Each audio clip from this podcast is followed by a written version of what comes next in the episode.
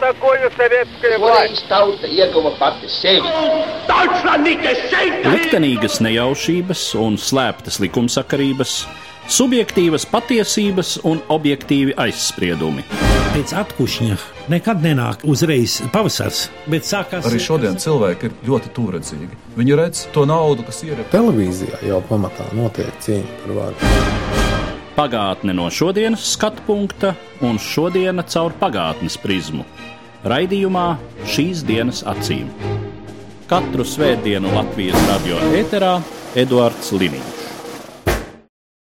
Labdien, cienījamie klausītāji! 1. novembrī ir gaidāma pirmizrāde jaunai latviešu filmas spēļu filmai Melānijas Kronika. Mani sarunbiedri šodien studijā ir filmas producents Gins Grūbe, labdien! Labdien! Un filmas māksliniece Ieva Jurjāne. Labdien! Šķiet, ka tā ir pirmā filmas spēļu filma, kas ir veltīta deportāciju tematikai. Pati tēma deportācijas 41. un 49. gadā vai Staļina laika represijas ir dažādos laikos parādījušās latviešu kinematogrāfijā, kas ir interesanti, bet uh, tādā fundamentālā līmenī, kur viss stāsts ir bāzēts deportācijās, turklāt tā ir literatūras ekranizācija un tā ir laikmeta liecības ekranizācija tādā līmenī. Tā ir pirmā filma, kur dzīve vēl aizvien ir šī stāsta prototipi. Kā jau liecina nosaukums, filmas pamatā ir Melānijas Vanagas literārie darbi, autobiogrāfiski. Šīs apjomā ļoti pamatīgās grāmatas, kas iznāca 90. gados, mēs visi atceramies. Un uh, domāju, ka Melānijas Vanagas darbi ir laikam gan lasītākie. Atkal, ja mēs runājam par uh, deportāciju un represiju tematiku, varbūt vienīgi Sandras Kalnietes ar balles kurpēm Sibīrijas sniegos vēl varētu sacensties, kas jau ir salīdzinoši vēlāka laika, un arī nākamās paudzes skatījums. Tātad Melānija Vanaga pieredzēja deportācijas jau kā pieaudzis cilvēks, savukārt Sandra Kalniete to realitāti skatīja pavisam maza bērna acīm.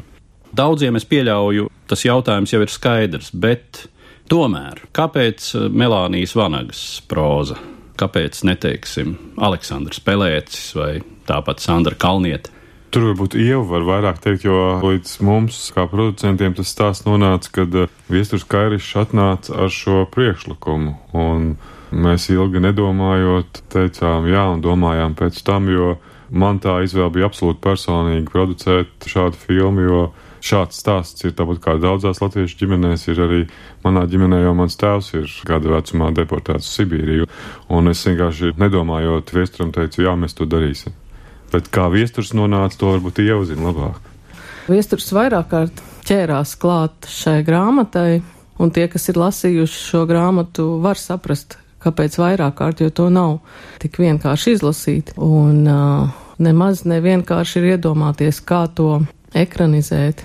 Un vispirms viesturam bija doma taisīt tādu izrādi, taču strādājot ar materiālu, viņš tomēr nonāca līdz filmas idejai, un uh, viesturam vispār ir raksturīgi, ka viņš meklē liela formāta episku saturu, un šī grāmata Melānijas Vanagas sējumi un turpinājumi vispār ir uh, kaut kas unikāls.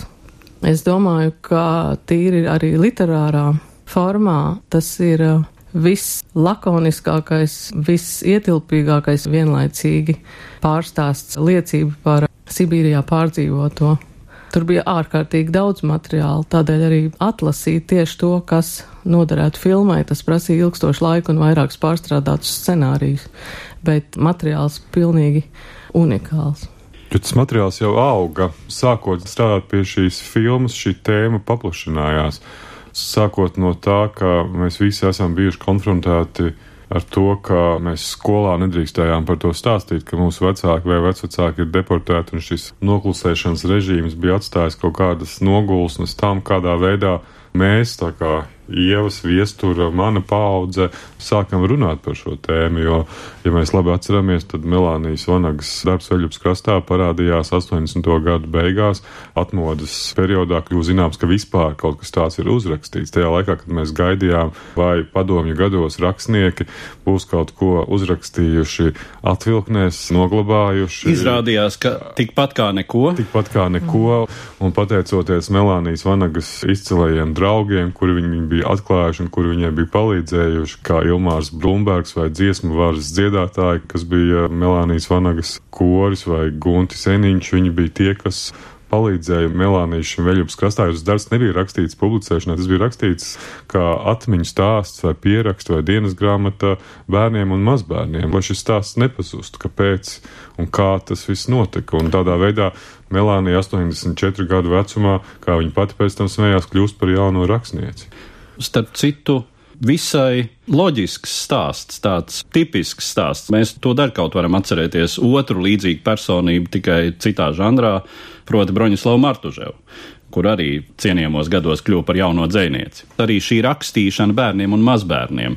Tā nu gan ir bijusi klātesoša vairākās ģimenēs katrā ziņā. Un Melānija jau pēc tam arī sarakstīja vēl septiņas grāmatas, mm -hmm. jo tur man Māra Zālīte, kas arī bija viena no personām, kas ļoti daudz palīdzēja Melānijas notikšanai par tā saucamo jauno rakstnieci, bet principā kļūt par latviešu literatūras zelta klasiku. Viņi man stāstīja stāstu, kā pēkšņi karoga redakcijā parādās Melānija Vanaga, laikam 93. gadā pēc veļupas krastā iznākšanas, atvēr durvis un ienāk iekšā sirma jauka latviešu māmuļa un saka, es esmu Melānija Vanaga, es esmu jaunā rakstniece un es uzrakstīšu jums vēl septiņas grāmatas. Protams, reakcija uz 84 gadus Sirma kundze, kur saka, ka viņa uzrakstīs vēl septiņas grāmatas, pirmā reakcija var domāt, ka viņa ir traka, bet viņa uzrakstīja šīs septiņas grāmatas, un viņas visas iznāca, man šķiet, visas pat iznāca viņas dzīves laikā. Es tomēr nevaru noklusēt to fascinējošo sajūtu, kāda ir sastopoties pirmo reizi un katru reizi atverot Melānijas Vanagas oriģinālo manuskriptu, jo tas, manuprāt, nelīdzinās nekam citam, kas ir rakstīts bērniem un bērnu bērniem, jo tās ir pedantiskas, fantastiskā rokrakstā rakstītas ar tintes pildspalvu, kura kaut kur varbūt pat ir izplūdus, jo kādreiz ir kaut kādas emocijas to ārprāt rakstot. Tie ir dokumenti, kur ir ielīmētas fotogrāfijas, taloni, Treķakau galerijas biļete, visu savu mūžu viņa ir dzīvojusi jau iekšēji, fiksējot, dokumentējot, vērojot to dzīvi no malas. Kad mums bija Čekas mājā Melānijas Kronikas preses konference. Sandra Kalniet man blakus sēžot pirmo reizi ieraudzīja tās Melānijas grāmatas, un, un viņa teica, tam ir jābūt Eiropas kultūras mantojumā, un, un tas vispār nedrīkst stāvēt pie kāda mājās. Un uh, mums bija tāda laime, ka mums ilgstoši mājās stāvēja vairāk šīs grāmatas. Man bija tāda sajūta, ka es dzīvoju līdzās Dainu skapim, un tā enerģija un tie teksti lasot, tas bija kaut kas unikāls. Tas arī lielā mērā skaidro, kāpēc filma ir izdevusies tāda, kāda tā ir izdevusies. Es tūdaļ gribu teikt atšķirīga no visa tā, ko mēs līdz šim esam latviešu mākslas kino skatījuši kā nozīmīgu vēstures tēmu traktējumu filmetrāžas filmās, jo nepieciešamība veidot dinamisku, labi uzrakstītu sižetu, manuprāt, vienmēr ir bijusi primāra šais filmās, nu, ja mēs domājam piemēram, par filmu Baiga vasara, arī par filmu Rīgas sargi. Ir jābūt kinematogrāfiski veidotam sižeta risinājumam. Šeit uh, ir gluži cits kino, vairāk caur vienas izjūtas būvēšanu visas filmas gaitā. Melānijas Svanagas teksti ir tajā filmā patiešām reproducēti ne pēc burta, bet pēc gara. Vai drusku nebija šis priekšstata spiediens, ka mums taču ir jātaisa starptautiski konvertējams kino. Darbība, protams, atbild visiem profesionāliem nosacījumiem, kā ir jāuzņem lielas spēļu filmas, taču, manuprāt, tur bija kaut kas pavisam cits, kas laikam nepakļaujās ne profesionālai analīzē, ne kritērijiem. Tas bija kaut kāds dīvainais spēks, enerģija. Es nezinu, kas tas ir, kaut kāds trakums, kas liek visai grupai, visiem cilvēkiem piedalīties šajā filmā un stāstīt. Un to nevar pakļaut ne konjunktūrai, ne starptautiskajam narratīvam, kaut kādiem principiem. Es to reāli sajūtu kā tādu iekšēju nepieciešamību šo stāstu izstāstīt. Es ļoti daudzos sajūtu, un to, manuprāt, arī pēc tam ļoti precīzi noformulēja filmas galvenā aktrise Sabīna Timoteo, kura ir no Šveices, dzimusi Austrijā, kuras ne ģimenē, ne zemē nenāk līdz šī traģiskā pārmantojumība, kāda nāk latviešiem vai visam mūsu reģionam. Un viņa teica, ka jums tas ir palicis kaulu līmenī, arī bērnos, arī nākamajās paudzēs, kuriem nav šī tiešā deportācija vai tiešā represiju pieredze. Un tā palikšana gēnu un kaulu līmenī, kā Sabīna formulēja, ir tas spēks, kuru nevar īsti aprakstīt, bet viņš bija ļoti sajūtams filmēšanā. Kurā brīdī jūs izlēmāt, ka jūs uzņemsieties šo nepārprotamo risku un galvenajai lomai aicināsiet ne latviešu, pat ne baltiešu aktrisi? Tā bija absolūti viestura izvēle. Un rezonējot par iepriekšējo jautājumu, man jāsaka, ka neskatoties uz visaugstākajiem profesionālajiem kritērijiem un uzdevumiem, ko mēs ik katrs šajā komandā gribējām sev uzstādīt, šī filma nebija ne tuvu kāds pasūtījuma darbs. Tas bija pirms jebkādām simtsgadus programmām, un tādā veidā Mums nevienam par to nebija kaut kādā veidā jau iepriekš jāatskaitās un jāsaka, ka mēs varēsim rādīt šo filmu skolēniem skolās vai censties hrestomātiski, pedantiski kaut ko attēlot. Mums bija svarīgi gan vēsture, gan absolūti personisks vēstures traktējums, kas gāja caur šo vienu varoni, un tādēļ šī Melānijas lomas izpildītāja bija ārkārtīgi svarīga. Un um, tas, ka Melānija neasociētos ne ar vienu konkrētu Latvijas aktrisi, tas izkristalizējās meklējuma periodā. Tā ir viena no lietām, ko viesturs saprata, un otra lieta ir, ka viņš tiešām meklēja aktrisi, kas viņam neasociējas tikai ar aktrisi, kas ir kaut kāds cilvēks, kas ar savu parādīšanos ekrānā jau vien veido kaut kādu harizmātisku tēlu. Un viņš Sabīnu bija redzējis Berlīnas kinofestivālā kādā filmā pirms vairākiem gadiem, un viņš viņu atcerējās. Un tad kopā ar uh, Gintu viņi sameklēja Sabīnu un aicināja uz kinoprovēm. Es ceru, ka kāds kolēģis droši vien šo jautājumu uzdos arī pašai Sabīnai Timoteo pie izdevības, bet eh, no malas skatoties, kā viņai notika šī būtiskā izprašana, par ko tad ir filma. Tad, kad Sabīna atbrauc pirmo reizi šķiet uz provēm šeit, tad uh, gan Viesturs, gan mēs un Inese Bokas ir otri producenti, mēs veicām izglītojošo darbu, bet tādā nozīmē, lai saprastu, kāpēc šī tēma ir svarīga. Un tur patiešām ir jau ļoti daudz noderīga materiāla, sākot no Sandras Kalnietes grāmatas, kura ir tulkota daudzās valodās, un kas patiešām ir izcils materiāls, lai par šo tēmu starptautiskajā auditorijā runātu. Un tas bija viens tāpat uh, Dzintas Kekas filmu materiāls, ir neatsverams materiāls, kā tādas dokumentālas liecības par šo periodu. Un uh, Sabīna pati teica, un tas arī bija, jo mēs visi filmēšanas periodā, katrs ar savu mazo vai lielo stāstu, bet katram ir savs stāsts par kaut kādām lietām vai procesiem, vai ģimenes locekļiem, vai tuviniekiem, vai draugiem vai viņu vecākiem un vecākiem, kas tādā vai citādā veidā tika izstāstīts. Gan Guna Zariņš stāstīja savus stāstus, gan lietuviešu gaismotājs, kuram bija tieši tādi paši lietuviešu stāsti kā latviešu stāsti. Tā tēma pati izauga starptautiski. Mēs viņu neveidojām starptautiski. Jā, arī Somijā domāt, filmējot jā. viena no sievietēm, kas bija izvēlēta epizodē, arī viņa sāk stāstīt par savu vecāku pieredzi un Sibīriju. Un tādā ziņā Sabīnei tas likās kaut kas tāds pietiekoši unikāls un dīvains, ka visi cilvēki kaut kā sakrīt tie kauliņi tādās savstarpējā saistībā. Bet arī runājot par tīri profesionālo pieeju, ir dažādas aktieru mākslas skolas. Un Sabīna ir unikāla arī tādā veidā, ka viņa ir studējusi un profesionāli ilgstoši strādājusi kā dejotāja. Un viņas pirmā skatuviskā valoda ir ķermeņa valoda. Un um, tādā veidā es pie katra kadra filmēšanas pilnīgi jūtu, kā viņa būvē to lomu. Viņa ļoti iekšēji piedzima, un uh, Gins Bērziņš atzina, ka tas ir traki, ka Sabīne katru reizi nospēlēja savādāk. Viņam kā operatoram tas bija ļoti grūti, jo kameras darbam jābūt ārkārtīgi precīzam un fokus mainīšana un dažādas lietas. Bet Sabīne katru reizi izdzīvoja neskaitāmos dubļus, kad filmē. Katrs bija ar niansi. Tā kā es domāju, ka tā ir liela veiksma un mums tīri cilvēcīgi tā bija fantastiska satikšanās. Jo par to izaugšanu mēs, protams, sākām filmu attīstīt kā stāstu par uh, Latvijas vienu no lielākajām traģēdijām. Un tad iedziļinoties jau sīkāk pašā Melānijas Vanaks darbā, mēs sapratām, ka tajos pašos ciemos ir nonākuši Karēlijas Somi. Un paradoxālā veidā mēs arī filmējām to Sibīrijas ziemu Karēlijā, Somijas Karēlijas daļā, protams.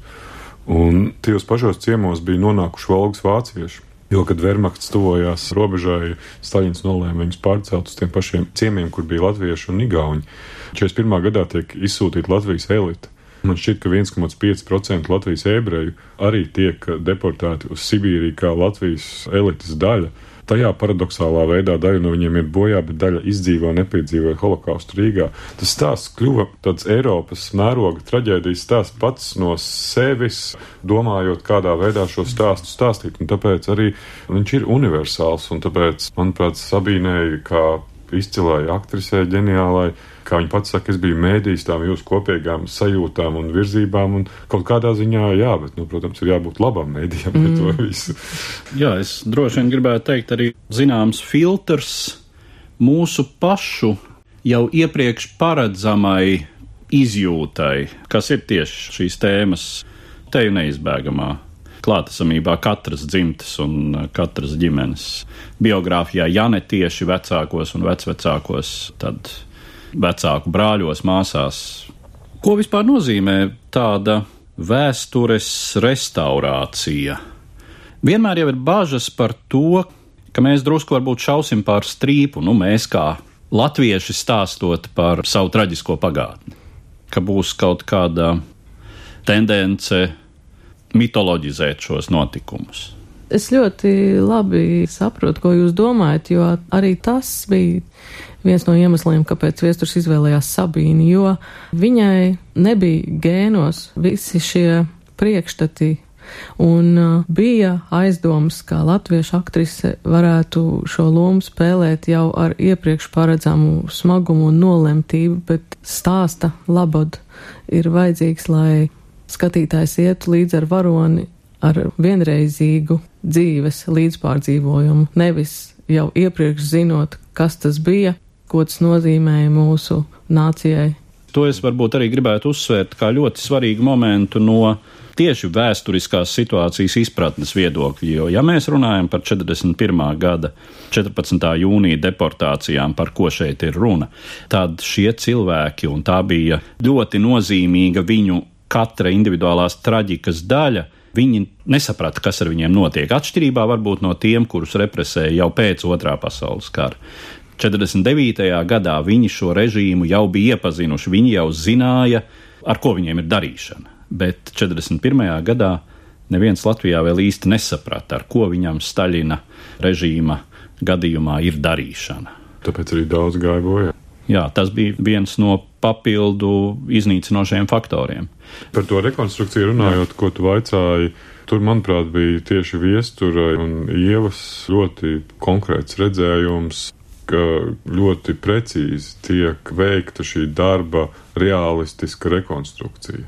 Līdz pat tādam līmenim, ka ieva lika atrast un pati meklēja un vākt pavisam autentiskas lietas, sākot no koferiem, kas bija devušies deportācijās vienā vai otrā laikā uz Sibīriju. Respektīvi, reāli, 40. reāli, reāli apģērbi, kuri cilvēki bija valkājuši Sibīrijā un atgriezušies ar viņiem šeit.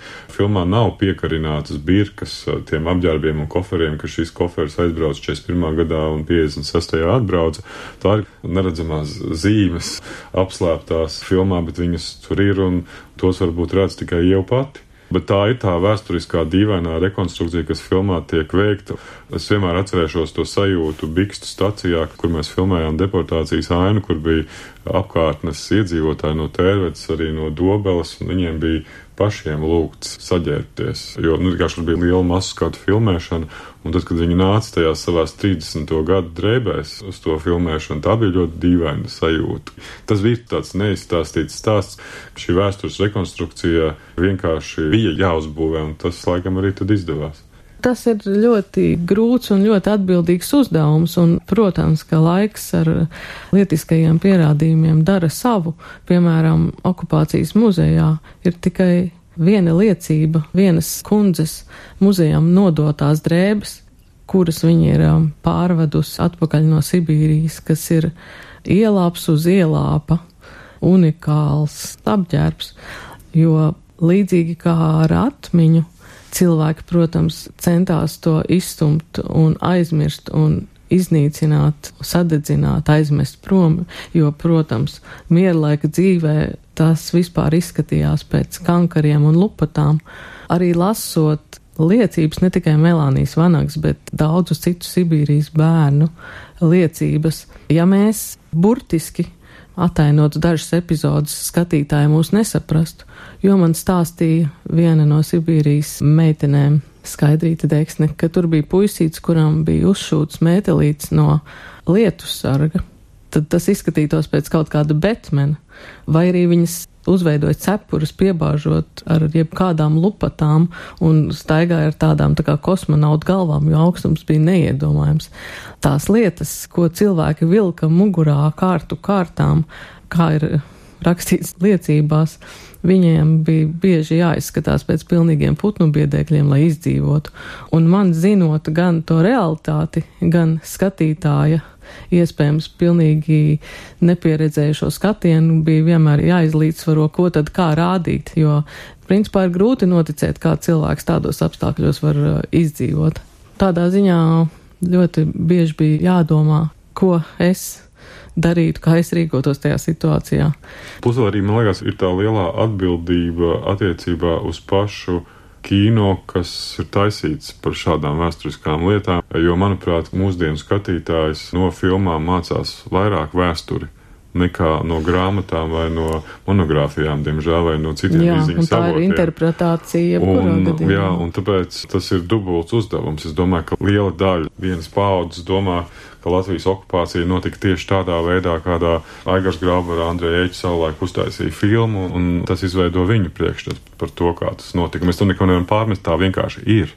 Tā vienkārši mūsdienās ir, ka cilvēki mācās vai veido savu priekšstatu par konkrētiem vēsturiskiem notikumiem, balstoties uz kino. Un tā bija tā mūsu atbildība, un palīdzēja tam, manuprāt, tieši Melānijas Vanagas darbs un viņas atstātais tas izziņas materiāls, kurš bija ar visām fotogrāfijām, mm -hmm. zīmējumiem un niansēm, kas to rekonstrukciju kaut kādā ziņā palīdzēja pietuvināt tiem notikumiem, tiem cilvēkiem, kā viņi izskatījās, kas bija tā priekšmetiskā vide, kurā viņi dzīvoja. Jo, ja romāns būtu bijis, tad būtu ļoti plašas iztēles materiāls, kurā var arī nebūt šāds detaļas. Jā, jo Melānija pirms atgriešanās Latvijā, pirms viņai ļāva atgriezties Latvijā, bija nofotografējusi gan savu mājiņu, gan to ciematu, to kalnu, kurā bija viņas zemnīca, un vēl dažas vietas, dažas sēkas, dažus cilvēkus, un mums katra tā bilde bija, es izpētīju to līdz katram sīkumam, un uh, meklējot filmēšanas vietu, mēs arī meklējām to pēc iespējas tuvu tam reliefam, ko varēja redzēt Melānijas fotografijās. Un tad, kad bija tā iespēja mums ar viesturu pievienoties Dzintras Gekas Sibīrijas bērnu braucienam trīs dienas, mēs pievienojāmies, kad viņi bija tieši Melānijas izsūtījuma vietā Ķuhķetā, un tad, kad mēs piebraucām pie tā kalna, kur bija bijusi viņas zemnīca, tad tā sajūta bija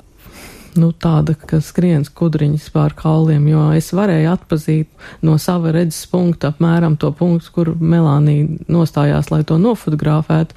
Protams, uz tā kalna bija tagad vairāk mājas, bet es sajūtu to vidas geogrāfiju, ko mēs ļoti līdzīgi bijām uzbūvējuši šeit. Jo es pārbaudīju, ka tēvam savam parādīja filmu tagad un prasīju, vai tā izskatās Sibīrija, un viņš teica, ka jā. Droši vien ar to arī ir jārēķinās, ka, ja reakcija vispār uz šo filmu būs kaut kur Krievijā, arī daļā no Latvijā esošajiem Krievu mēdījiem, tad uh, var paredzēt, ka runa būs par to, cik korekti jūs esat īstenībā atspoguļojuši, vai tur nav mērķtiecīga realitātes nomēlnošana, tātad mērķtiecīgi mēģinājumi parādīt to nežēlīgāk nekā tā patiesībā ir bijusi, bet dokumentālo liecību, lai to atspēkotu, ir gana. Bet, ja kurā gadījumā tas ir spēļu filma, kas pakļaujās citiem mākslinieciskiem kritērijiem, kur mēs runājam sākumā, tā kopīgā sajūtas uzbūvēšana, no samērā arī abstrakts, manuprāt, viestura kairiša idejas, ka melānija ir tā, kas atrod to izdzīvošanas spēku Sibīrijas dabā, kas ir samērā abstrakts instruments, lai parādītu to filmā, šo aizbēgšanas stāstu, lai izdzīvotu. Un, manuprāt, tas ir izdevies radošai grupai izcili šo abstrakciju padarīt par filmisku vielu, redzamu, sajūtamu ar visām maņām, kas cilvēkam ir dotas. Bet, ja mēs runājam par citām auditorijām, tad Melānijas Vanagas darbs ir iztulkots lieliskā krievu valodā tulkojumā, ko ir Dobrovenskis iztulkojis, un es ceru, ka viņa ir iznākusi jau grāmatā, bet ka viņa varētu viņa arī nonākt pie, plašāka, jā. pie plašākas publikas varētu nonākt, jo viņa izdeva amats novada biedrība, kas arī nodarbojās ar Melānijas Vanagas mantojuma atbalstu, un filmē būs krievu valodā arī subtitri, lai uh, cita auditorija, kuru tiktu atrast un uzrunāt. Un filmu rādīs arī Somijā, mūsu koproducenti un Čehijā, jo mēs zinām, ka pirmizrādes būs tuvākajā laikā tur un arī būs starptautiskos festivālos. Mēs jau šobrīd zinām, ka būs šīs pirmizrādes tuvākajā laikā. Mums droši vien atliek vienīgi konkrēti informēt mūsu klausītājus par to, kur, cik ilgi filma būs skatāma, nu un varbūt arī mazliet par kādiem plāniem, dalība kādos starptautiskos kino pasākumos, festivālos vai tam līdzīgi. Jā, no 1. novembra filma ir skatāma visā Latvijā. Lielākajos kinoteātros mēs esam arī organizējuši reģionālās pirmizrādes, kuras būs uzreiz nākamajās dienās pēc 1. novembra pirmizrādes Rīgā būs Liepājā, koncerta zālē Gorā, Reizeknē, Ventspilī, Cēsīs, kas ir Melānijas Vanagas dzimtais novads un, un vieta, un kur arī būs daudzi cilvēki, par kuriem ir šis stāsts. Tās būs nākamajā nedēļā pēc pirmizrādes, kur varēs filmu redzēt. Tāpat arī pēc tam viņi būs repertuārā un kinoteātros, gan lielākos, gan mazākos, bet visu novembri un visu decembri. Par to, kur notiks filmas starptautiskā pirmizrāde, to es drīkstu teikt tikai nākamās nedēļas beigās.